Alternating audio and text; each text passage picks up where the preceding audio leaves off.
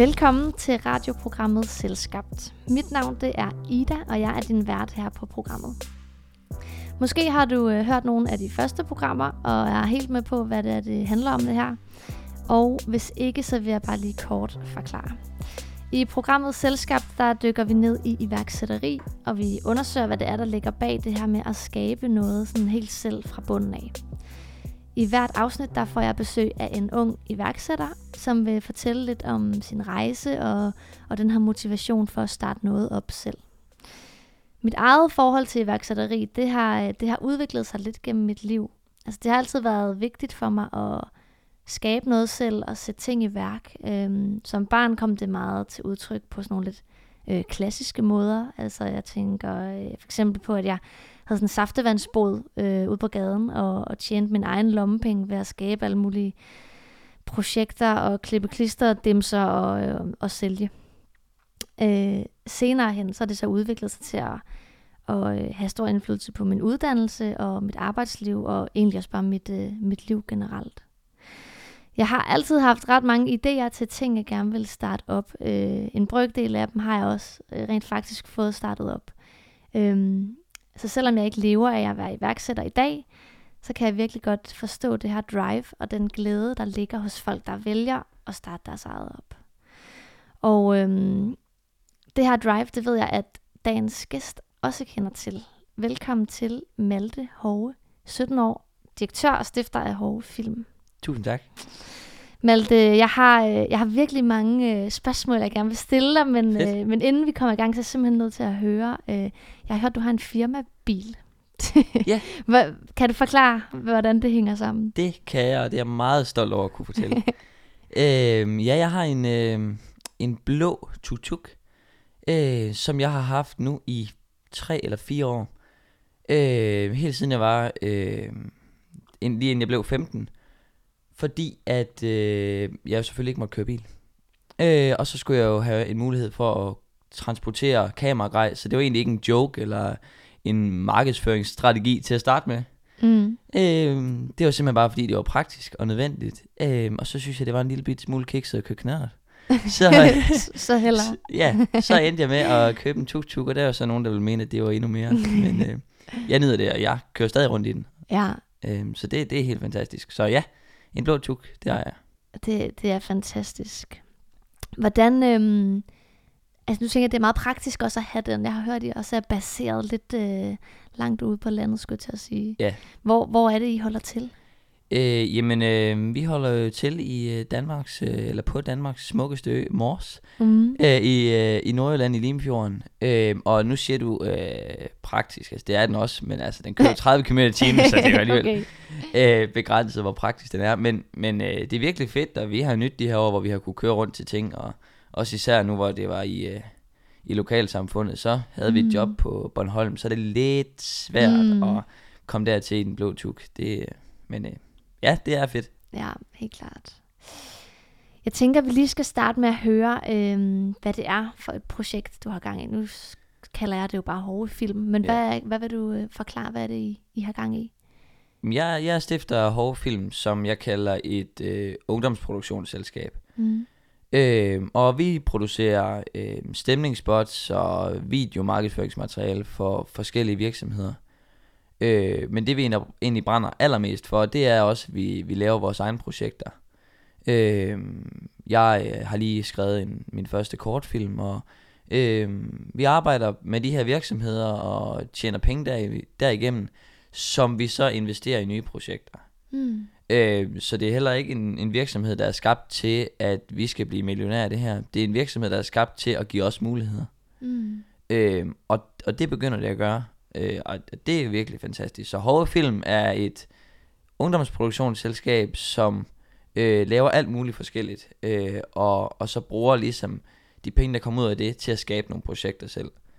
Øh, og, og det har vi nu gjort siden 2017. Og hvem, øh, hvem er I? Hvem er det, der står bag? Jamen, vi er øh, mig, og så har vi øh, min... Øh, ja, det, det sjove er jo, at vi er tre øh, mm. i, i firmaet, og vi er ikke kun øh, kollegaer, vi er også bedste venner. Det er jo, det er jo helt fantastisk, at man kan, mm. øh, at man kan koble det på den måde. Det er min ven Mikkel, som øh, står for økonomien og er, er mega god i Excel.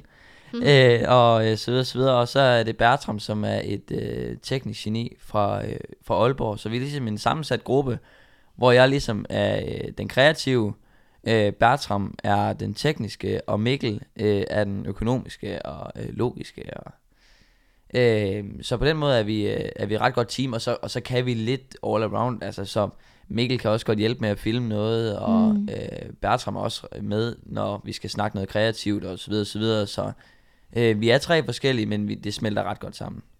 Øh, så det er ligesom os tre, der, sådan, der styrer det i det daglige. Mm, helt klart. Og nu siger du, at I også er bedste venner, det er jo øh, fantastisk, mm. tænker jeg selv. Det er jo også noget af det, der er glæden ved at øh, ikke at bare få et arbejde, men selv at skabe det, at man kan vælge, hvem man, man gør det sammen med. Hvordan, øh, hvis du kan tage os tilbage til, da I ligesom startede, altså hvem fik ideen, og hvem, skulle, hvem overtalte hvem til at, at gå med på det? Ja, øh, til at starte med var det kun mig og Mikkel. Jeg mødte øh, Bertram fra nu. Nu bliver det så snart to år siden. Mm øh, på efterskole. Men, men tilbage i 2017, der øh, var det med min kammerat Mikkel, øh, som jeg har gået i grundskole med øh, ja, i 10 år. Mm. Øh, og øh, jeg havde længe lavet noget video. Jeg har altid, jeg har øh, en baggrund, altså stadigvæk også som, øh, som skuespiller, som ungdomsskuespiller, og øh, jeg har sammen med min kammerat Mikkel altid øh, haft en stor hobby i det at lave film, og mm. vi har lavet alt muligt. Det har været til YouTube, også sammen med en anden kammerat, og Øh, og det har virkelig været en stor passion øh, at lave det. Og lige pludselig så, øh, så begyndte vi bare at, at kalde et andet hårde film, fordi det var lidt sjovt. Altså, det er jo mit efternavn, og så film bagved, det er jo ikke noget, altså det er jo ikke... øh, så, så, øh, og så lige pludselig, så øh, fik jeg en tuk, og så tænkte vi, så skrev vi lige det på siden, og så begyndte vi at lave lidt jobs for nogen, vi sådan kendte, og Nå, men øh, jeg kendte lige en, der var nede på en eller anden café. Nå, men så lavede vi lige noget video for dem og sådan noget der. Øhm, og så lige pludselig kunne vi jo se, at vi kunne faktisk godt begynde at, øh, at tjene nogle penge på det her. Øh, og vi lavede sådan lidt, når vi havde fri fra skole og sådan noget. Det var lidt svært at få det... Øh, øh og vi fik lavet nogle forskellige ting, og øh, også de her projekter ved siden af, som vi jo så prøvede at få skabt. Øh, og så havde vi jo hårdfilm, og øh, det kørte egentlig stille og roligt. Der, der kom ikke så meget, og vi havde jo ikke så meget tid, og det er også, hvordan er det lige, man, man laver en virksomhed, og hmm. hvad er det, man må, hvad er det, man ikke må. Og, øh, og så var det et boost, da jeg, øh, da jeg mødte Bertram øh, på efterskole, øh, som Mikkel jo ikke kendte på det tidspunkt, hmm. øh, og fik ham med på vognen, som var et geni i øh, klipperummet. Øh, og det var ligesom med til også at sige, prøv at høre, nu kan vi faktisk det her, fordi nu har vi faktisk er virkelig et stærkt team. Øh, og vi begyndte at lave nogle ting med det her, og, øh, og i den periode var det der også, også der, hvor jeg begyndte at øh, skrive på min egen første sådan rigtige kortfilm. Mm. Øh, som er sådan en... Øh, det er ligesom mit syn på min egen generation omkring det her med curling-generationen og det her. Mm. Øh, som jeg begyndte at udvikle en kortfilm omkring. Og det var ligesom vores første sådan store projekt i hårdfilm, som ikke var for andre, men var for os selv. Ja. Øh, og, øh, og, og, og det blev virkelig fedt, og, øh, og, og det gav virkelig også et boost på de her jobs, vi så lavede ud over. Øh, og så, så skete der jo det, at øh, vi snakker om, at det kunne være, det er ret spændende det her med, at jeg ville ligesom det med kortfilm, at det, at jeg lavede den her kortfilm, øh, og prøvede at få så mange med som muligt, og få, jeg vil have rigtige skuespillere med her, jeg vil have mm. Aarhus Filmværksted med på det, og jeg vil have jeg vil op og øh, lave en rigtig film. Og det skulle ligesom på en eller anden måde være mit bevis på, at det modsatte af køling er muligt. Mm. Og at man ligesom, fordi i min film handler ligesom om, at der er en mulighed for at bryde den her onde kølingscirkel, øh, som det unge menneske. Og det skulle ligesom være mit bevis på det, mm. øh, ved at lave den her. Øh, og det valgte til MidtVest så at følge. Øh, og de fulgte hårdfilm i et halvt år. Øh, og lavede en dokumentar ud af det. Og og da det blev vist nu her i foråret, der gav det bare et kæmpe boost. Og Fedt. lige pludselig var der 150.000, der havde været inde og se en eller anden trailer, hvor jeg kører i min tuk, og helt overvældende. er øhm. fedt, eller åh oh nej, hvad har jeg nu sendt ud? Mega fedt, øh, og også nervepirrende først, når man mm. går ind og mm. ser, at der er så mange, der har set det, fordi så er det jo også, okay, nu er der lige pludselig nogen, der har en mening om mig. Ja. Øh, og øh, nu har jeg jo tidligere lavet noget, noget skuespil og sådan, så det der med, at folk kom hen og sagde et eller andet om, at man har lavet noget af det, øh, det vidste jeg ligesom godt, hvordan det var. Øh, hvor, hvor det var jo også sjovt for, for Mikkel og Bertram, som aldrig sådan ligesom har været øh, på den måde på det store lærred, eller hvad man skal sige. Mm. Øh, at lige pludselig så sagde folk til Mikkel, Nå, det er der økonomichefen, der kommer der. det var helt skørt, ikke også? Så, øh, og det har så bragt os hvor, øh, til der, hvor vi er i dag, hvor det virkelig, øh, hvor det virkelig begynder at, at, at komme i gang, og hvor det virkelig øh, begynder at køre nu her, og det Mm. bliver rigtig vildt det næste halvår. Fedt. Det er lidt af en, øh, det er lidt af en tur, I har taget sammen. Ja. Hvad, ja. Men I holder stadigvæk til på Mors. Ja, det gør vi. Altså, det, det vil ikke sige, at vi kun laver øh, film på Mors. Altså, øh, vi er meget lokalt forankret, vi brænder også for det lokale, men øh, vi, vi laver alt muligt forskelligt. Altså, mm. øh, både i øh, helt op i Nordjylland og øh, rundt omkring på, ellers på Jylland og i, øh, på, på Fyn og Sjælland. Altså, vi er ikke sådan på den måde begrænset af, øh, hvor vi er henne. Selvfølgelig, tuk-tuk og Yes. praktik er der jo lidt begrænsning på, men, men øh, vi, det, vi er ikke begrænset af det. Øh, men vi nyder at være på Mors. Ja, fedt. Og er det noget med, at I bor i en campingvogn, eller er det, er det gamle, gamle Ah. dage? Det gør vi også stadigvæk. Vi holder fast i den. Og øh, Fortæl lige lidt om det. det handler egentlig om, at øh, i starten, så var det jo sådan, at når der skulle ske noget, og hver gang vi skulle have noget møder og sådan noget, så mødtes vi op på mit værelse. Øhm, og så bliver det sådan lidt, hver gang man skal snakke med en kunde, det kunne vi jo selvfølgelig ikke gøre på mit værelse. Det ville jo virke totalt uprofessionelt. så skulle man ud og finde et lokale, eller et eller andet, og vi havde ikke råd til et kontor og sådan noget. Øhm, og så øh, en på vejen, en på den vej, jeg bor på, havde sin campingvogn til salg. Øhm, Og så snakkede jeg med, med Mikkel på det tidspunkt, øh, det var før Bertram også det her, med Mikkel om, øh, skulle man købe en campingvogn, og så, altså det er der eddermame med det billigste kontor, du kan finde. øh, og det blev vi enige om at gøre. Og øh, fordi jeg arbejdede i Jesperhus Feriepark på det, øh, eller det gør jeg stadigvæk, øh, så kunne vi få lov til at stille den dernede, uden det ville koste os noget. Og, øh, og det var jo helt fantastisk, fordi Mhm. mm-hmm. så havde vi lige pludselig et kontor uden øh, faste øh, udgifter. Øhm, og det var jo drømmescenarie, og, og Mhm. så har det jo så vist sig at være fantastisk, fordi det er et godt sted at mødes, og, så øh, Fedt. ja, det er virkelig fedt, det nyder vi. Hvordan, hvordan fungerer det i praksis? Jeg forestiller mig sådan en masse kameraudstyr og skærme, ja. og så det der lille bord, jeg, jeg er sådan, øh, der Ja. typisk er i en campingvogn. Jamen, den er ret lille, altså det er Ja. ikke en særlig stor campingvogn Nej, okay. Øh, og den er jo heller ikke opvarmet året rundt, mm. øh, så udstyret er slet ikke øh, stoppet til derinde. Det er simpelthen, det bliver fragtet frem og tilbage, fordi tit er det jo bare der, vi har en møder, hvor vi Mm. bare behøver en computer. Ja.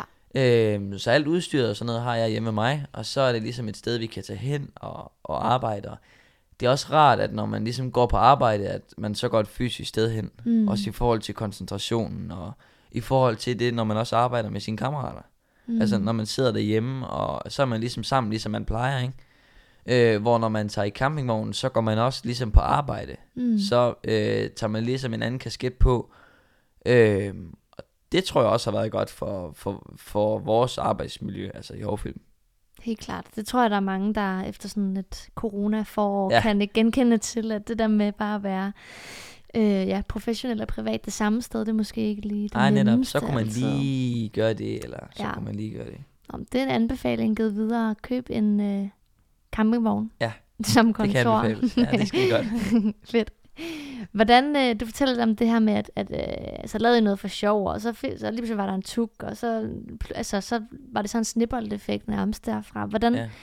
hvordan har det været, det her skift fra, at noget har været øh, for sjov, skulle jeg sige, altså sådan, sådan måske meget hobbybaseret, til at det, det også har nogle pligter nu? Øhm, jeg tror, at det, da, det, da det startede med at gå fra hobby til, til at der også er noget, vi skal leve op til nu, og der er mm. Nogle kunder, der forventer noget af os. Det startede nok dengang, vi fik, øh, vi fik ja fra til MidtVest om, at de ville lave noget om os.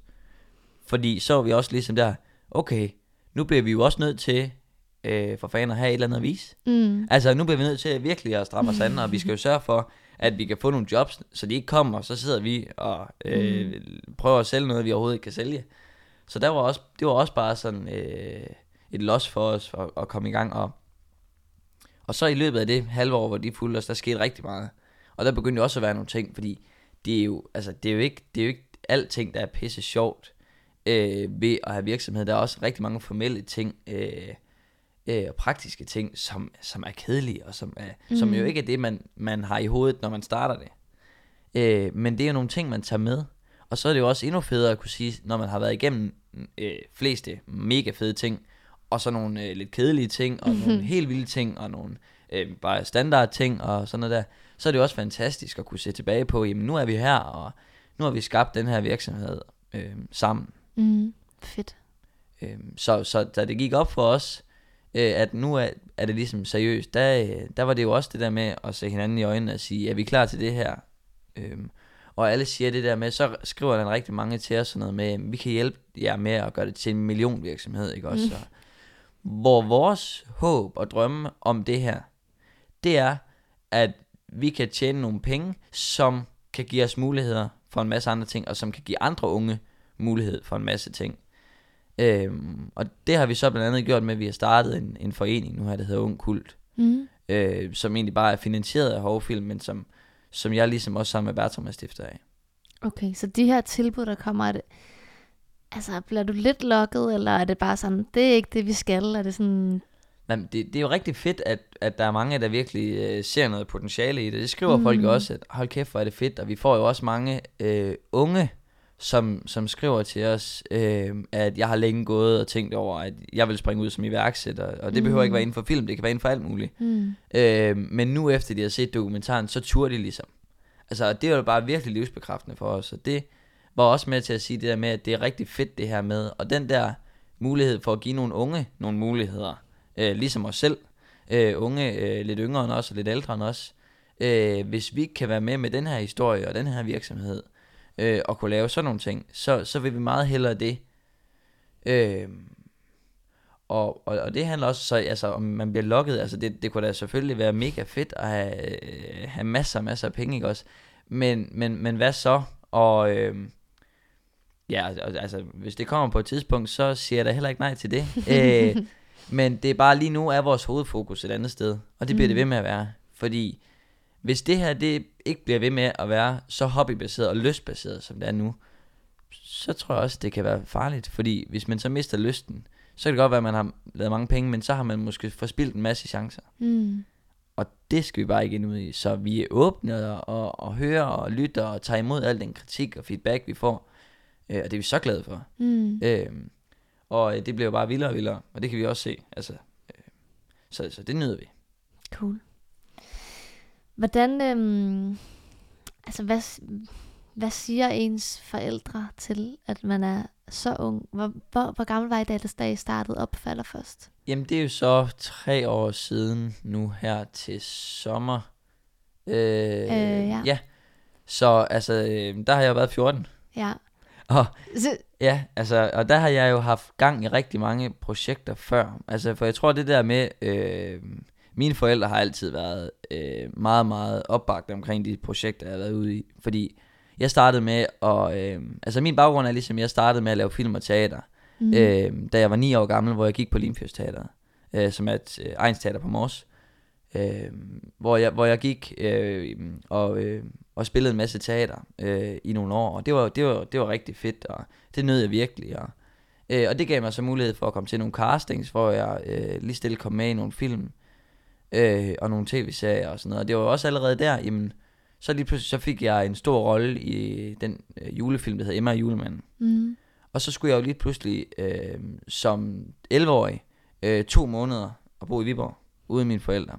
Ja. Og der var også ligesom, hvad er det for nogle vanvittige projekter? og, øh, og lige pludselig to måneder væk fra skole og sådan noget. Men der har bare altid været den der med, hvordan har du det med det? Jeg har det mega nice over det. Godt, så er vi der.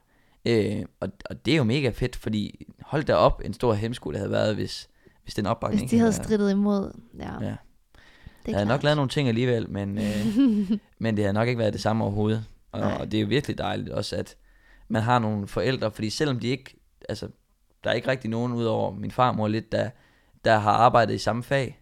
Altså, men alligevel er interessen der, og mm. øh, interesseret i at høre om det, og, fordi jeg har jo så mange ting, altså hele tiden vil jeg fortælle en masse ting, og om så oplevede det, ej, det var altså også fedt, og så ja. skete der det der, og, øhm, og, og, og der er det jo også perfekt, at man så har nogle forældre, nogle familier, der også siger, okay, så er din taletid opbrugt.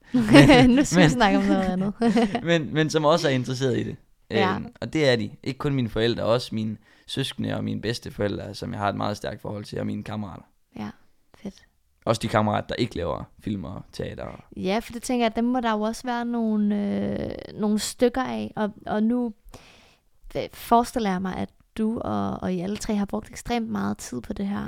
Hvordan, hvordan har det været med, med, med de venner, man så har, som ikke lige er en del af det? Har det været muligt ja. sådan at holde fast i? Ja, der har jo, øh, altså det er jo altid en udfordring, det der med, fordi der er jo, når man vælger noget til, så vælger man også noget andet fra. Mm. Øh, og det er jo øh, på en eller anden måde et aktivt valg, man bliver nødt til at tage. Fordi mm. øh, hvis man vil gå all in på noget, jamen så bliver man også ligesom nødt til at give afkald på noget andet. Men, men også nu tilbage til det der med, at jeg har været i gang med alle mulige ting, siden jeg var 9 år, ikke også? Så mange af de venner, jeg har haft hele mit liv, har også ligesom altid levet med, at der er lige et eller andet, og nå, nu kan vi så ikke lige snakke sammen rigtigt i to måneder, eller mm. nå, så var du lige der, eller nå, hvad laver du egentlig nu, hvor er du henne i verden, altså. Ja. Øh, så jeg har også øh, nogle venner der, som, øh, som virkelig godt forstår det, og som jo altid bare har levet med det.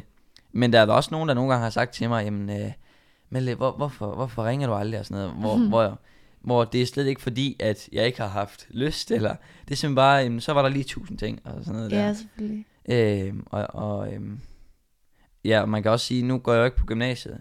Jeg går jo på den her HF fjernuddannelse, hvor jeg studerer hjemmefra, så jeg kan okay.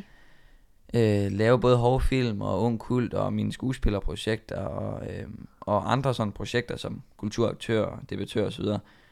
Øh, det gør jo også, at jeg ikke er en del af det sociale på gymnasiet. Mm. Og det er jo også et, et fravalg, og det er jo også der, hvor man siger, jamen, hold da op, øh, hvad er det lige, vi gør, og hvad så, når de andre de, øh, bliver studenter eller er til gymnasiefester? Hvad laver jeg så? Mm. Men så er det, man skal huske på, jamen, så får jeg nogle, nogle andre venner og nogle andre kontakter igennem det, jeg laver, men det bliver jo aldrig det samme som at gå på gymnasiet, fordi det er jo noget, tit mange ser tilbage på resten af deres liv. Mm. Øhm, og der, der er det jo så, jeg tror på, at jeg oplever en masse øh, fede ting i mit liv lige i øjeblikket, som jeg vil se tilbage på om mange år. Mm. Øhm, fordi jeg, jeg lever øh, virkelig efter alt det, jeg øh, har lyst og har drømt om lige nu. Øh, og, og, og det går kun øh, opad lige nu, og det er jo mega fedt. Mm. Øh, så, så det er jeg egentlig ikke så bange for, men det er der. Der er mange til og fravalg, altså. Også især på det sociale. Mm. Og har du, har du haft sådan... Du lyder sådan okay afklaret nu, vil jeg sige, men har mm. du haft sådan meget tvivl omkring, øh, altså nu er det meget konkret gymnasiet, eller, ja. eller ikke gymnasiet, men generelt sådan det her med, skal jeg øh, arbejde i aften, eller tage til den fest, eller hvad det nu kunne ja. være. Ja, jamen, øh, jeg har været meget i tvivl, altså man kan sige, det, det siger det meget godt, jeg var med ind på at gå på en almindelig STX øh, gymnasieuddannelse, ja. øh, og tre dage før jeg skulle starte, der droppede jeg så ud, og øh, fordi jeg havde fået lov til at, eller jeg havde fået den her øh, plads på HF Fjern. Ja. Øh, så det har jo også hele tiden været min plan, mm. at jeg skulle starte på gymnasiet, og så lige pludselig, så var der så mange muligheder, og jeg kunne se, at hvis jeg starter på gymnasiet nu, så er der så mange muligheder, jeg har lige nu, og så mange ting, jeg kunne arbejde videre på lige nu, som min kortfilm, som hovefilm, som mine ønsker om at øh, skabe noget øh, sammen med andre unge og sådan noget der, som jeg bliver nødt til at give afkald på. Mm. Men hvis jeg dropper gymnasiet, der har, det var, ja, jeg har været svært der. Jeg forestiller mig verdens længste liste med sådan ja. plusser og minuser. Ja, det er rigtigt. Men da jeg så, vi var ude på sådan en familietur, så da jeg så ringede til gymnasiet og sagde, jeg skulle gå på sådan en dramalinje, teaterdramalinje, som jeg altid havde glædet mig til, det skulle jeg gå på, fordi øh, det er en af de bedste dramaskoler øh, i Danmark og sådan noget der, og så var det lige på mors, og var heldig af det, og sammen med Limfjords Teater, som jeg altid har været rigtig glad for, ikke også, så, øh, og da de så ringer, da jeg så ringer til dem, og de så siger, er du sikker på det, og vi havde jo også glædet os til, at du skulle starte på drama A, og og så var det bare, ja, jeg er sikker. Og så, ikke også? Altså, på. Ja, så var det bare det. Og så kunne jeg også mærke bagefter, at ej, det var sgu det rigtige. Ja. Øhm, og det har jeg ikke fortrudt siden. Der kan godt komme enkelte glemt og sådan noget der, hvis du sidder klart. en aften og sådan noget, men grundlæggende har jeg ikke øh, fortrudt, fordi øh, jeg har rigtig mange gode kammerater, og en del af øh, mange fede fællesskaber, som mm. jeg ikke vil mm. være uden. Øh, og rigtig mange af mine venner går jo også på gymnasiet. Så, øh, det skulle jeg til at sige, kan man ikke godt øh, crashe en gymnasiefest, selvom man ikke... Øh jo, man kan prøve. der. ja, jo, så kan det også være, at man får lidt opmærksomhed om, er du den nye? Er du den nye? Hvad sker der? nej, nej, jeg går her bare hjemmefra. Ja. Men, øh, Shit. Ja, men altså, det er jo også, øh, ja, det, det kan man jo godt, og det har jeg jo også prøvet på. I starten var jeg også meget sådan, at fordi jeg gik på det her HF, så måtte jeg godt deltage i alle de her gymnasiefester. Så jeg var, sådan, jeg var sådan med til det og prøvede sådan at være, Men, men det bliver jo aldrig rigtigt det samme. Mm. Altså det er også sådan lidt en, en kamp, man prøver at tage, øh, og som jeg vil blive ved med at tage, for jeg vil gerne være en del af en masse sociale ting og sådan noget der, men det er jo også bare gået op for mig, at jeg får jo en masse kammerater og en masse mm. øh, nye mennesker i mit liv, selvom man ikke går på gymnasiet. Mm.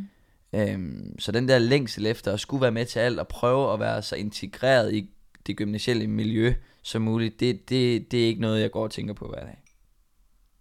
Øhm, det er det ikke. Mm. Nu øh, kunne jeg tænke mig at lege en leg, som jeg kalder Svisken på disken. Ja. Hvor jeg har øhm, 10 spørgsmål til dig, og der er en, den lille regel, at du må svare med, øh, med et ord. Ja. Så vidt muligt. Vi ser undervejs. Men, øh, Det er sådan en leg, du laver med politikere eller sådan noget, fordi, fordi præcis, og nu blev det din tur. Ja, ja, det er godt. er, du, øh, er du klar på det? Ja. Godt. Øhm, først og fremmest, identificerer du dig selv som en iværksætter? Nej. Hvem drømmer du om at få som kunde, hvis du har sådan en drømmekunde? En drømmekunde. øhm, et, øhm, hvordan skal jeg sige det med et ord? Altså, nu kommer der okay, du allerede får flere. lige fem år så. Ja, fem år. Nå. altså, øhm, et andet... Øhm, nogen, der gerne vil lave en spillefilm eller et eller andet, med os som producenter. Var det fem år? Det var øh, 5 plus, men det var okay. Ja. okay. Tror du stadigvæk, du arbejder med iværksætteri, når du fylder 50 år? Ja. Mm. Synes du, at man først er en rigtig iværksætter, hvis man arbejder mere end 60 timer om ugen på sit projekt? Nej. Fortryder du nogle gange, at du har brugt så mange timer på hårde film, i stedet for bare at hygge dig? Nej. Da du var barn, hvad ville du så gerne være som voksen? Skuespiller? Er du tilfreds med, hvor langt du er nået med hårde film nu? Ja. Hvad? Altså ikke tilfreds, som i at nu Nej, er jeg ikke længere, men indtil videre, ja. Indtil videre tilfreds. Ja. Hvad, den er også svær i et ord, den her, men hvad laver du, når du holder fri? Øhm, hygger på vandet eller med venner og sådan. Ja, der kommer så lidt der Ja, ja, okay, bagefter, men okay. alt muligt forskelligt. Under Slap af. paddehatten hygge. Ja. Ja. ja, det kan jeg så ikke rigtigt. Jeg er ikke så god til at slappe af, men jeg hygger. Jeg har det godt. Godt nok. Og det sidste spørgsmål. Hvor mange mennesker håber du, der i fremtiden kommer til at arbejde for hårde film? 50? Sådan. Det var, det var de 10 spørgsmål. Det var svært. Derfor har jeg helt ondt af sådan politikere og sådan noget der, hvis de kommer så meget med ja, nej. Hold da op. Man kommer lige i den varme stol. Ej, men ja. Ja. det var... Øh, det var simpelthen det, du klarede det. Ja, det lykkedes. Det var godt. det var det. Øhm, jeg kunne godt tænke mig at høre lidt om, om der er noget, der har, øh, der har overrasket dig. Altså fra den gang, hvor jeg tænkte, så nu gør vi det. Nu så starter vi en virksomhed. Og, og den forestilling, man måske sidder med, hvad, hvad det vil sige at være iværksætter. Altså hvad, jeg tænker, man, man har sådan nogle billeder. Mm. Øh, man ser nogle ting for sig. Hvad, hvad har, hvad, er der noget, der er kommet bag på dig? Ja, og det er sådan lidt naivt på en eller anden måde. Det er lidt naivt, fordi øhm, da jeg startede også, det er jo som 14-årig, ikke også? Mm. der kom det egentlig bag på mig, hvor lang tid det tog at overbevise voksne, etablerede øh, mennesker og øh, virksomheder om, at vi som 14-årige, eller 15-årige, eller 16-årige, kunne lave et fedt nok produkt til, at de skulle betale penge for det. Mm. Det kom faktisk bag på mig. Fordi på det tidspunkt tænker jeg, jamen prøv at se, I kan vel se det her, det er det. Og I kan vel se, det synes I måske er godt, eller jeg har fået at vide, det her det er godt af nogen, eller det her har vi lavet for en virksomhed, gik godt. Hvorfor er det så, øh, at I ikke vælger til os? Mm, Og der kan det godt være, at det er bare mig, der tænker, at det må kun være på grund af alder. Det kan også godt være, fordi de ikke synes, det har været skide godt på det tidspunkt. Men det kom bag på mig, hvor, hvor svært det var at overbevise øh, voksne, siger jeg i Mm. gåsøjne, ikke også? Mm. Øhm, om at, at vi var gode nok til det, vi lavede. Ikke dem, jeg kendte. Dem, dem, dem, de var altid med på det. Og, men folk, jeg ikke kendte, hvor var det svært for os ligesom at blive accepteret Mm. øhm, af, af helt, altså bare af små virksomheder som store virksomheder. Øhm, og det, det er der virkelig sket meget her efter de her øh, dokumentarudsendelser, og efter vi havde prøvet at være lidt mere i medierne og sådan noget her, at der, det er som om, at der, nu, først nu har vi ligesom fået vores accept. Øhm, og det tror jeg er en af de største vanskeligheder for, for unge, ligesom mig selv, øhm, under og omkring de 18 år. Det der med at blive accepteret, fordi man er jo egentlig i godsøje stadig en ung og stadig et barn. Mm. Øhm, og hvorfor skulle man ligesom øh, acceptere det? Og der er jo ikke den her livserfaring, og der er jo det her. Jeg har jo ikke nogen filmisk uddannelse andet, end jeg har gået på øh, filmlinjen på Hartsyssel Efterskole. Altså, mm. det er jo det, jeg kommer med, og så med noget erfaring, ikke også? Ud fra det, jeg har lavet. Øh, det kommer egentlig bag på mig, og det er jo egentlig lidt sådan naivt, fordi det kan man jo godt tænke sig til, men, øh, men det har faktisk øh, kommet bag på mig, og det har mm. nok også gjort, at jeg nu kæmper endnu mere for det. Øh, altså også, nu har jeg lavet en del, været med i en del debatter til blandt andet kulturmødet på Mors. Mm. Øh, omkring det her med, med unge, og det med at stå frem og, og sige, hvad man mener og sådan noget der. Og også altid meget, synes det var meget spændende det her med, med politik og sådan noget der, med det mm. der med, at folk der siger, hvad de mener, og jeg altid synes, det var så ærgerligt, når unge siger noget, og de så bliver slået ned på den der med, du har heller ikke den her erfaring, eller mm. du ved heller ikke noget. Nej, men det er det, der bliver følt, og det er en tanke. Øhm, og det er jo også det, vi, øh, vi prøver at arbejde med, at, øh, at alting ikke er nødvendigvis øh, så sort-hvidt. Mm. Jeg tænker, der er mange, øh, det kan være en udfordring mange møder, hvis man netop er øh, meget ung. Ja. Altså man bliver, øh, ja, gonket i hovedet med, at det ligesom, du er for ung. Eller det, ja. hvad, har du nogen sådan tips eller nogle råd til, hvad man, hvordan kan man ligesom håndtere det? Ja, jeg tror bare, man skal lave sådan en form, for vi gjorde det, altså jeg lavede sådan nogle øh, standard svar nærmest, altså ja. ikke sådan, jeg skrev ned, men jeg havde sådan noget, jeg altid sagde, det der med, at hvis der blev sagt, nå, I er godt nok unge, eller når, når man kom der og sagde, men øh, jeg har faktisk et firma, så, nå ja, det var meget sødt. Ikke? Altså, den, det er sådan lidt den der provokerende en, der kommer sådan den der undertone af, øh, kigger lige over på forældrene og de andre voksne, der griner og siger, ja, det er meget sødt, han prøver at, øh, ja. at lege direktør, ikke også? Hvor ja. man så kommer og siger, prøv at høre, jeg har faktisk arbejdet for dem og dem og dem, og jeg brænder virkelig for det her, øh, og jeg har gjort det og det, og vil du se noget af det, og sådan noget der.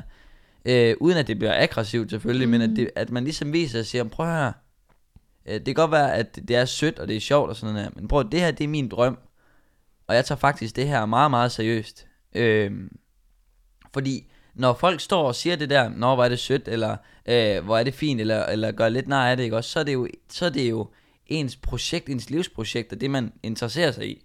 Mm. Altså, øh, og det svarer jo lidt til, hvis, øh, hvis en på min alder, som øh, spiller fodbold på højt plan, kommer ud og har scoret et virkelig godt mål, og så egentlig siger, ja, øh, det er lidt sødt, og nå, ja ja, hvis du nogensinde bliver sådan noget, det må vi se. Og, ja. Altså, øh, det, det vil man ikke gøre, men det er som om, det er lidt mere okay, når, når det er et kreativt fag, fordi det er sådan lidt svært at mm. tage og føle på. Mm. Øh, ja. Ja. Det, ja, det kunne jeg forestille mig. Jeg bliver helt irriteret, når du fortæller, ja. når du fortæller om ja, det. det er virkelig også irriterende. Men altså, det er ikke sådan, fordi klart, alle er sådan. Nej, nej, men altså, det, det må være noget, man møder. Mm. Øhm, måske også bare generelt som iværksætter, om man så er 14 eller 18 eller 22, eller, ja. altså, så længe man møder nogen, der er ældre end en, og har en uddannelse, man måske ikke selv har, eller har, hvad ved jeg. Også især, når det er noget helt anderledes. Altså, øh, selvfølgelig opfinder man jo ikke den dybe tallerken hver gang, men når man så laver noget, der er lidt specielt, så kan det også være det der, åh, går det nu, eller mm. nå, lidt sjovt projekt, det bliver nok ikke rigtigt til noget. Altså, når man starter en virksomhed som 14, hvad er oddsene for, at du ikke bliver teenage-kedelig lige om lidt, mm. øh, og så dropper alt om det, og heller ud og festen en hel masse, ikke også? Altså, mm. Der kan godt være den der øh, bag det, øh, der, og det vil også sige længere frem, også når du bliver ældre, om du er 30, 40, 50, når du starter et eller andet projekt, som er nyt og er lidt anderledes, øh, og gør et eller andet på en lidt skæv façon, øh, så går det også direkte ind og bryder ind i sådan en, en eller anden konservativ tanke om, at det er sådan her iværksætteri er. Mm. Og det er også derfor, når du stiller mig de 10 spørgsmål, om jeg identificerer mig som, øh, som iværksætter, øh, det, jeg har aldrig brugt det ord, Øh, også fordi at det, det virker, det kommer til at virke så, så pengeagtigt. Mm. Øh, hvor når man ligesom skaber projekt, man er projektskaber, jeg kalder mig kulturaktør, eller skaber forskellige øh, kulturelle projekter, øh, og Hovfilm er så en af de her øh, spændende projekter, jeg så har. Det er så det projekt, jeg har haft gang i længst, mm. som giver mig muligheden for at skabe de her projekter. Ja. Øh, så øh, ja. der, er, der er mange kasser, og mm. altså, ja, forventninger. Jeg tænker også, at man bare lukker øjnene og så siger iværksætter. Man ser en, en vis ja. øh, person for sit indre blik. Ja. Øh, og som der måske er mange, der tænker, det er ikke det er ikke det, jeg er, eller det er ikke derfor, jeg gør det, eller det er ikke det, jeg gerne vil opnå. Nej, store hus og dyre uger og sådan Ja, men altså, det er præcis. ikke rigtig sådan, det er. I hvert fald ikke, ikke for, jo, det er det så for nogen. Men øh, ej, vi andre, de, vi, øh, vi lever i en campingvogn og en tuk-tuk, og det har vi det rigtig fint med. Og det er også, og det er også dejligt. er der noget sådan, øhm, nu, nu snakker du om det her med, øh, at folk, især måske da I var 14, men også i årene efter, altså, sådan, har, har synes, det, det var besynderligt eller, mm. eller meget ungt. Hvordan sådan, når I har kommet ud til kunder, altså er det noget, I har kunne mærke, at øh, døren går op, og I kommer ind, og de, Ja. hold da op, øh, I ser unge ud. Ja. Eller hvordan har det fungeret sådan, ja, kunde øh, og jeg imellem? Der er det faktisk, det er faktisk også noget, der er kommet positivt bag på mig. Fordi når man så ligesom på en eller anden måde, når vi har fået en kunde, øh, i starten så var det jo også meget vores egen omgangskreds, og selvfølgelig gjorde de jo ikke nej os. Men når man kom ud til de sådan første, da vi var 15-16 år, og begynder at komme ud til de første, vi sådan ikke kendte, øh, der var det også som om, at de havde ligesom på forhånd set, hvad vi havde lavet, eller de havde på en eller anden måde accepteret os i gåsøjne igen, øh, inden vi kom. Og det gjorde det måske også øh, lidt nemmere. Jeg, føl, jeg følte mig i hvert fald ikke ydmyget. Det kan jo godt være, at de har siddet inde i kantinen og snakket om, at hold da kæft, man, de var da godt nok unge. og Vi havde godt ikke lige læst på deres Facebook-site, at de kun var 15. øh, vi troede ligesom far var med. Men, øh, men det, det synes jeg ikke, vi oplevede på den måde. Altså, øh, altså det, det, er jo, det er jo sjovt. Og når vi går der som, øh, som 15-årige med et kamera, der er større end os selv næsten, altså, så, så det er jo komisk, altså det er jo sjovt, og det har vi jo også. Vi har jo rigtig meget, altså føler jeg i hvert fald selvivni, også med, med, med tukken der, folk siger, "Jamen, hvor er det åndssvagt sådan noget. Men alle griner af det, og smiler, og alle, altså alle der kører forbi mig, nu var jeg over, at min øh, tuk-tuk skulle repareres og sådan noget, jeg fik så en anden tuk-tuk, jeg ligesom skulle køre i den her tid. Ja. Øhm, og det var så mærkeligt, fordi der var ingen, der vinkede til mig, når jeg kørte. Normalt, så, når vi sidder der og kører rundt i den der øh, blå, så vinker alle, fordi folk ved godt, at når vi kører rundt i Nykøbing og på Mors og sådan noget, så vinker, vinker, vinker, vinker, vinker. der kørte en grå, så jeg følte mig sådan helt alene, som om at selvom jeg kørte i en tuk, der var fuldstændig van til bare en anden farve og uden vores logo på siden, Ja. så var der ingen, der vinkede. Og det var slet ikke interessant. Ej. Og, og det er jo virkelig fantastisk at føle. Ja, at der, var, der er alligevel et eller andet. Ja, der er alligevel lidt eller En andet. opbakning. Og det, det er jo fantastisk, altså. Nu arbejder jeg nede på, øh, på Café Holm i Nykøbing, og, øh, og der er der jo også dagligt, altså mm, rigtig, rigtig mange, der siger, Nå, har du tid til at være her? Skal du ikke ud og lave Mm. noget film? Og, øh, og det er jo virkelig fedt, og, og folk, der skriver til mig, og skriver til de andre i Hårfilm, Mikkel og Bertram, at øh, kæft, det er sejt, og sådan noget der. Og det, det, er jo, Mm. det er jo virkelig fantastisk. Og så er der også folk, der skriver, I er alt for unge, og øh, glem alt det der, og sådan noget på Facebook. Ja, Og sådan noget. Men når der så er øh, tusind andre kommentarer, der er gode, så øh, vælger jeg at se på dem. Ja, det er nok meget fornuftigt. Ja. ja. Hvordan fungerer det det her med, øh, altså med jer tre, og nu nævner du, at du har valgt at tage den her HF fjernuddannelse. Jeg ved ikke med de andre, om du har et job, og hvordan, altså der, der Ja. må være nogle, nogle andre ting i, i hver jeres tres øh, Ja. liv. Vi har jo et liv uden for hårfilm, alle Ja. tre.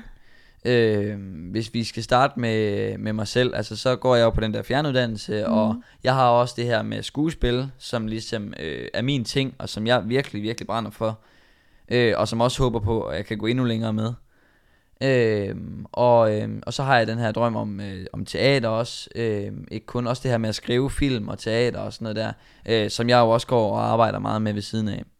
Mikkel, øh, vores økonomichef, han, øh, han går også på en, øh, en HTX, øh, Mm. og, og har rigtig meget med skole. Han går jo ligesom øh, fast i skole, og kan jo kun gøre de her ting i sin fritid og sådan noget der, men øh, der er jo heller ikke lige så meget arbejde som, øh, på, som økonomichef lige i det her tilfælde, som der er Mm. på min post. Jeg har noget mere arbejde end det. Mm.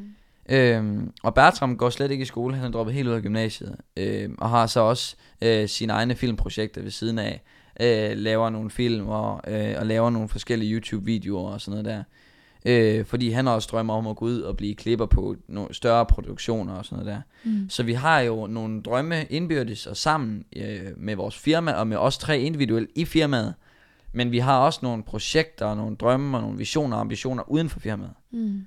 Og det tror jeg er, er fuldstændig vigtigt, at vi holder fast i. Og det er også derfor, at, at, at uh, hårde film må ikke begrænse de muligheder, man får ellers. Fordi hårde film skulle gerne være med til at give os og andre endnu flere muligheder. Mm. Og hvis det så begrænser os, jamen, hvor, hvor, hvor, ligger formålet så henne, ikke også? Helt klart, men det er jo en, det er jo en balance. Altså ja. nu, vi har både været inde på det her, du siger med, at, at hårdfilm øh, ikke må begrænse en for at lave noget andet, men også mm. at, at noget andet ikke må begrænse en for at lave hårde film. Ja. Det er jo, så der er jo, ja. Der, der, er jo, der er jo mange ting i det, og det er jo også det, der er en balancegang hele tiden. Mm. Det er også derfor, vi hele tiden skal vurdere, jamen hvis vi laver det her, hvad går man så glip af herover og hvad sker der så, hvis vi gør det her? Hvis jeg tager derhen nu, hvad sker der så her? Mm. Og, altså, øh, så på den måde er der jo hele tiden nogle beslutninger, man skal tage, og der må man jo også bare vide, altså, man kommer til at lave fejl, og vi har lavet masser af fejl, altså, øh, og det kommer vi fortsat til at gøre, men så lige pludselig, så har man fundet ud af, at man har glemt en anden kunde, som man faktisk kunne tjene nogle penge på, eller sådan mm. noget, fordi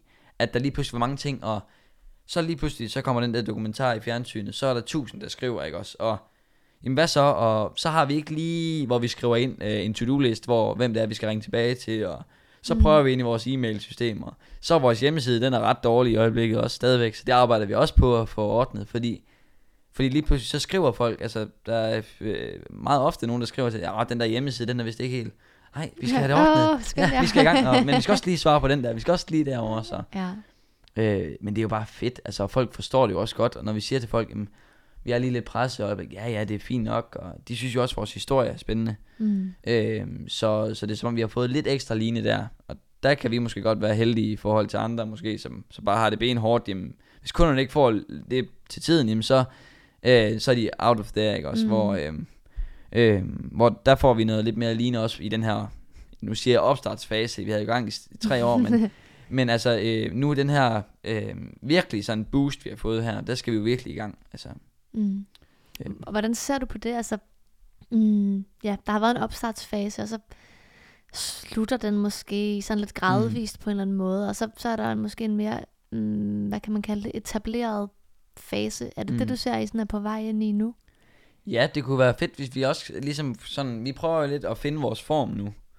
Øh, også når man, øh, nu har vi fået nogle jobs i bogen, vi har afgivet en masse tilbud og venter på svar på en masse, og skal ud og filme en masse her over sommeren, og når vi har gjort det, så får vi også lidt mere struktur på det, men hvordan er det, vi gør? Og nu ved vi også, jamen, når en kunde skriver til os, mm. øh, vi kunne godt tænke os et eller andet, så har vi sådan, nu gør vi dam, bang, bang, bang, bang, for nu har vi efterhånden prøvet det længe. Og når vi sådan gør det i alle faser, når vi optager dem, så plejer vi at gøre sådan, sådan, sådan. Så har vi de her de papirer på det og det, det. Altså når der bliver styr på de ting der, det glæder jeg mig også til, fordi mm. så er det jo også, at drømmen om at skabe andre ting virkelig kan blive realiseret. Mm. Fordi lige nu er der jo rigtig meget arbejde i det at lave video for virksomheder, som jo også er fedt, øh, men som ikke udelukkende er hovedmålet. Mm, helt klart. Men det er jo også det lidt særlige, tænker jeg, ved jeres øh, projekt. Altså, mm. der er ligesom drømmen om at skabe noget, så man kan skabe noget. Altså, det er lidt sådan en... Ja, ja det er lidt dobbelt. Øh, en, lidt, en, lidt dobbelt, ja. Øh, ja. Hvad... Øh, hvad, hvad har I gang i for tiden, hvis, man, hvis du skal blive konkret? Nu har vi talt meget ja. om, da I startede op og sådan noget. Hvordan, hvordan ser det ud sådan lige nu? Jamen lige nu har vi fået nogle, øh, vi har fået nogle lidt mere faste øh, samarbejdspartnere. Mm. Og så har vi jo fået etableret øh, foreningen Ung Kult, som skaber kulturelle tilbud for unge, som er udviklet af andre unge. Øh, og det er også på Mors og samarbejde med Limføst Teater, og, og dem jeg dengang også arbejdede sammen med. Og, Øhm, og, og det har været rigtig spændende, fordi vi også havde den der drøm om at skabe. Øhm, og øhm, ja, så har vi i gang i nogle forskellige, øhm, forskellige kunder jo og sådan noget. Men for lige at vende tilbage til det med Ung Kult, så mm. det mhm. startede faktisk lidt sjovt, fordi jeg stod til en debat på Kulturmødet 2019 øhm, omkring øh, ungdomsscenekunst. Mm. Og der var ligesom, øh, der var nogle teaterledere fra København og Aarhus og rundt omkring, og sådan noget om kulturpolitikere. Så var der mig og en anden ung, tror jeg det var sådan. Mm. Og så havde jeg den der fornemmelse af, at der stod 4-5 gråhårede og fortalte om, hvorfor noget scenekunst unge godt kunne tænke sig at se. og var sådan nogle gange, nej, det synes jeg ikke. Og der blev snakket om øh, øh, refortolkninger af gamle klassikere og sådan noget. Jeg var sådan, det er slet ikke den vej. Øh, og så tænkte jeg også et eller andet, at det, det er så nemt det er også en tanke, jeg tit har det. Det er så nemt at stå og sige, ej, er det forkert det der, eller mm. ej, der burde virkelig være nogle unge, der snart gjorde noget. ja, men så gjorde vi det, og sagde, nu vil vi godt skabe en forening, som skaber de her kulturelle ting for unge, men som er produceret, og idéerne kommer fra andre unge, så vi er sikre på, at, at det ligesom bliver bredt, i stedet for, at, mm. at der er nogle unge, der fortæller nogle voksne, hvordan de skal lave det. Så er der nogle unge, der sammen med nogle andre unge, skaber noget for nogle andre unge. Mm. Øhm, og det har virkelig været fedt, fordi det har jo også været en af, øh, altså på grund af at hårde film går godt, så kunne vi ligesom putte nogle penge i det her. Mm. Øhm, og det har været virkelig fedt. Og så er der gang i min kortfilm, øh, den der om curling-generationen, som øh, nu er i gang med det sidste lydmix, og øh, gerne skulle være færdig meget snart. Og så skal vi ud med den, og øh, jeg skal ud og holde nogle foredrag omkring curling-generationen, og ligesom mit forsøg på at bevise det modsatte, ikke også? Det, vil jeg, ligesom, det skal jeg ud og fortælle, og bruge min historie som case der. Og hvordan, altså jeg tænker, det, det er en rimelig stor ting at tage på sine skuldre. Mm. Øh, både en hel generation også, øh, og, og måske i virkeligheden sige, det er ikke bare sådan, det er. Nej. Hvad, ja, jeg ved næsten ikke, hvad jeg vil spørge om, men altså det, det synes jeg bare ja, det er da en stor ting at gøre. ja, ja, netop også, altså det har også været en stor ting for mig, fordi det har været en betragtning af, af mig selv og min egen generation, hvor jeg har sagt, hvordan, hvordan kunne man, fordi det er jo ikke fordi jeg siger, jeg er overhovedet ikke køling, jeg har bare ikke fået serveret noget som helst på sølvfad og sådan, altså sådan har jeg det jo ikke. Jeg, jeg kommer bare med mine tanker og versioner af det, der er ikke noget, altså, jeg kommer ikke ud som en forsker og fortæller, at her er svaret, eller sådan her skal du opdrage dine børn. Jeg snakker øh, til unge og til unges forældre og til alle mulige mennesker om øh, det man kan gøre, eller øh, jeg har oplevet sådan og sådan og sådan, og det mm. har gjort, at jeg tænkte det og det og det. Mm. Øh, og det synes jeg er vigtigt, øh, fordi det er et emne, der tit er mange øh, voksne, der fortæller andre voksne om, at de gør noget forkert. Mm. Hvor jeg tror også, at man som ung har et ansvar for at bryde den der onde, onde cirkel, fordi unge og børn har meget nemmere ved at forandre sig, eller udvikle sig, eller, eller, eller skabe noget, øh, end ældre og konservative, det må man ikke sige, men, men altså, som ligesom har et langt liv med erfaringer og så videre, og så videre. Ja, helt klart. Det, det lyder spændende. Mm. Hvad tænker du selv sådan, øh, jeg tænker godt kan backfire lidt, hvis man siger, netop går ud og siger sådan, at unge kan skabe noget selv og sådan noget. Altså, ja. er, du, er du nervøs for, at, øh, at folk ligesom kommer efter dig med det, eller på en eller anden måde sådan, hænger dig op på det? Jamen altså folk, øh, når jeg siger, at jeg tror virkelig, at hvis, jeg, øh, hvis, vi, hvis vi er nogen, der er med til at kaste bolden til flere unge, øh, så tror jeg på, at de griber den. Ikke? Også det går jeg ud og siger, og det mener jeg virkelig. Mm. Øh, og vil virkelig stå indenfor. Og, og der, men det er jo ikke alle. Du, du kan jo ikke sige til hvilken som helst mm. ung, at øh, skab noget, eller, og det er jo heller ikke alle, der har lyst til det. Øhm, mm. Der er også nogen, der har lyst til bare at være sig selv, eller bare at være sammen med vennerne og tage til fester. Og der, jeg negligerer overhovedet ikke noget i det. For der er ikke nogen rigtig og forkert måde at være ung på.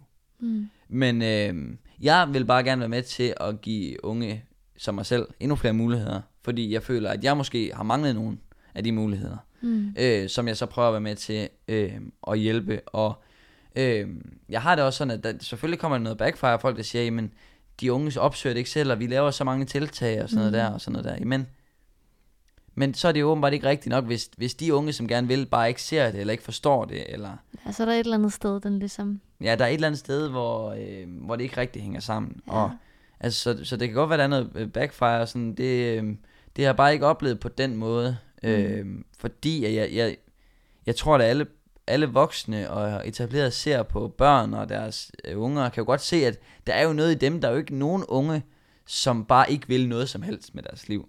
Altså, det er der ikke. Det eksisterer ikke. Øh, og Gud skal takke lov for det. ja, helt klart. Men det er rigtigt, der er jo meget fokus på det her med, det er i hvert fald en ting, jeg tit hører, når jeg taler med, med folk om iværksætteri, og især sådan unge mennesker i iværksætteri, mm. at det er noget, vi rigtig gerne vil have og se, og det er noget, der bare skal sådan blomstre på en eller anden ja. måde, og øh, det er okay at fejle, og mm. folk skal bare teste sine ting og sådan. Men alligevel er der jo, er der jo noget, der holder rigtig mange tilbage, øh, i forhold til bare at kaste sig ud i det. Ja. Har du nogen sådan mm, tanker om det? Altså jeg tænker, det lyder som om, du selv har været sådan rimelig ja. god til at kaste dig ud i det. Ja. Øh, men hvis man synes, det er svært, hvad man ligesom kan, kan tænke eller gøre? Ja, altså der er jo rigtig mange, øh, også unge, som har nogle projekter, de sådan springer lidt ud i, men så bliver det for besværligt, eller det bliver trukket i langdrag, eller et eller andet, og de så ligesom falder fra. Mm. Der tror jeg faktisk, voksne og etablerede har en fordel i, at de virkelig, de, sådan, de kender dem selv så godt, at de ved, hvad de brænder for. De, de kan godt se, at når her er noget, vi skal, vi skal over det her, som ikke er så sjovt, for det kan blive rigtig fedt. Mm. Øh, og, øh, og jeg tror virkelig, øh, hvis jeg sådan på den måde skal svare på spørgsmålet, ikke mm-hmm. også, altså, Øh, jeg, jeg, jeg håber virkelig, eller jeg tror også virkelig på, at der er nogen, øh, der, der gerne vil. Øh, og de skal, man skal jo ligesom ud over den der og, og kaste, kaste sig ud i de der ting. Men det er jo heller ikke sådan, at alle behøver, det bliver man nødt til at sige mange gange, fordi det er jo ikke sådan, det er forkert ikke at skabe et projekt. Mm. Altså det er da mega fedt. Nu har jeg fået noget opbakning af nogle unge, der er med til at skabe det for mig. Det er jo ikke kun mig, der skaber Ungkul. Det er jo ikke mig, kun mig, der har skabt Hovfilm. Det er jo Mikkel og Bertram og alle de fantastiske mennesker, der er med i Ung Kult også, som er med til at skabe de her ting. Og hvis man har en drøm om det, og ikke synes, at det er det fedeste at skulle stab, øh, starte alting fra bunden, Mm. øh, og det giver god mening, fordi der er også nogle ting, altså, nogle gange ville man da bare ønske, at jeg bare var medlem. Altså, ja. fordi Og så ikke ville- stå med... Ja, så vil det hele være lidt nemmere, ikke? Øh, også hvis man har nogle fede arrangementer, så vil det da være lidt fedt nogle gange kunne deltage. Mm. Men der er også noget helt specielt i det der med at skulle stå bagved, jo. Altså det, det er der bare noget helt specielt i. Ja. Så der er mange, øh, der er sikkert mange projekter, og mange iværksættere, der også godt kunne bruge en makker eller en hjælper eller noget støtte på en eller anden måde, hvis man ikke selv ligesom Klart. vil tage øh, springet, hvis man kan sige det sådan. Og der er det også rigtig svært. Det er også det, jeg oplever øh, som en af de største udfordringer i, i hårde film og i ungkul. Det der med, at hvordan, hvordan, hvordan får man, hvordan benytter man, eller hvordan finder man de mange unge, som har noget at byde på, men som ikke ønsker at starte noget selv, eller, eller som er et eller andet sted, eller mm. hvordan finder man lige ham, der går på gymnasiet i Hobro, men som interesserer sig for film? Mm. Altså, hvordan kommer man derud? Øhm, og det er svært for mig, øh, både i hårdfilm og i, i ung kult, og, øhm, og også generelt det der med, fordi det kunne da være virkelig fedt, hvis man kunne få skabt et netværk og sådan noget der. Og der er det jo også bare med at komme ud. Øh, og også som, som den ung, der måske går og har en drøm om et eller andet, øh, og se sig omkring og, og lytte. Men der skal man jo også være synlig, og det er jo nogle af den største udfordringer for rigtig mange virksomheder, og som iværksætter, øh, det der med at gøre sig selv synlig Mm. øh, og gøre sig selv synlig på den rigtige måde, så at man ikke ender med at blive synlig, fordi man har gjort et eller andet forkert, eller man har... Øh, men øh, ja, det, det tror jeg. Ja. Hvad tænker du om... Altså, ja, nu har vi talt om det her med, at i, iværksætteri, det er der mange, der forbinder med én ting, og, mm. og derfor opfinder folk ligesom deres egne titler Ja. og øh, begreber, og Nå, men jeg laver et projekt, der er sådan lidt et ja. eller andet, og så åh, folk er sådan, har måske svært at forstå, hvad det er. Ja.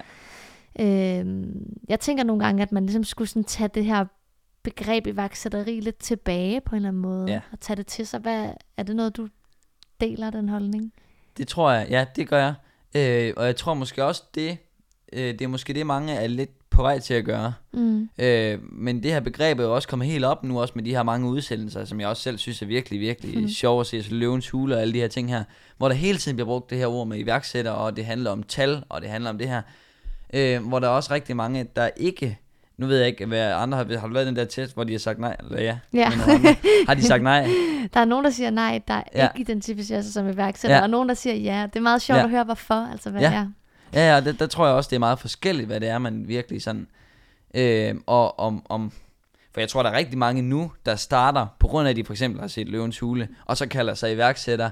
Men hvad er det egentlig, der ligger i det? Mm. Det handler om at starte noget selv og sådan noget, fordi jeg har, jeg har stiftet et firma, jeg har startet et firma, øh, som øh, leverer et produkt, og som tjener nogle penge. Jamen, så er jeg jo iværksætter. Mm. Men, men øh, det er jo sjovt, hvad det så er, der gør, at jeg siger nej til, at jeg identificerer mig som iværksætter. Ja. Men det er jo fordi, der er muligt udenomkring, og, Mm. øhm, og det, er jo, det er jo svært at forklare, men jeg er enig i, at øh, det er et begreb, der er sådan, det siger jo, det siger jo alt for lidt. Mm. Ja. Men lad os håbe, at, øhm, ja, at det ligesom er en titel, man kan tage lidt tilbage, og Ja. ja. også, jeg synes, måske bære med stolthed. Og, mm. øh, og det må sprede sig som ringe i vandet, at, øh, at det ikke bare betyder øh, ja, tal og store biler og uger, Ja, ja, hvad vi ellers kan, kom, kan komme med af eksempler. Det er klart. Perfekt. Jamen, øhm, så vil jeg faktisk bare sige mange tak for besøget, og fordi du ville komme og Ja, fortælle. selv tak. Det har været meget spændende at høre om øh, altså 14-årig opstart. Det må, det må være det, det yngste, jeg har, øh, jeg, har, jeg har haft besøg af endnu i hvert fald. Ja, perfekt. Den Ja. hat tager jeg gerne på, ja. Ja. Hvis man sidder derude og, og tænker, øh, det lyder mega fedt, og jeg bor på Mors, eller ej, bare at man har lyst ja. til at tjekke jer ud, eller, eller, eller høre mere, så synes jeg virkelig, man skal gøre det. Øh, og for en god ordens skyld vil jeg bare lige sige, at det er altså Hove, H-O-U-E film. Så burde det være til at finde på diverse Yes. øh, platforme og medier. Øhm, men ellers, så vil jeg bare sige tusind tak for besøget igen. Det var meget Selv spændende. tak. Det var fornøjelse. Også en tak til alle jer, der lyttede med derude. Mit navn det er Ida Lundorf, og jeg er vært her på programmet Selskabt. Programmets redaktør er Tue Blæde. På genhør. Love!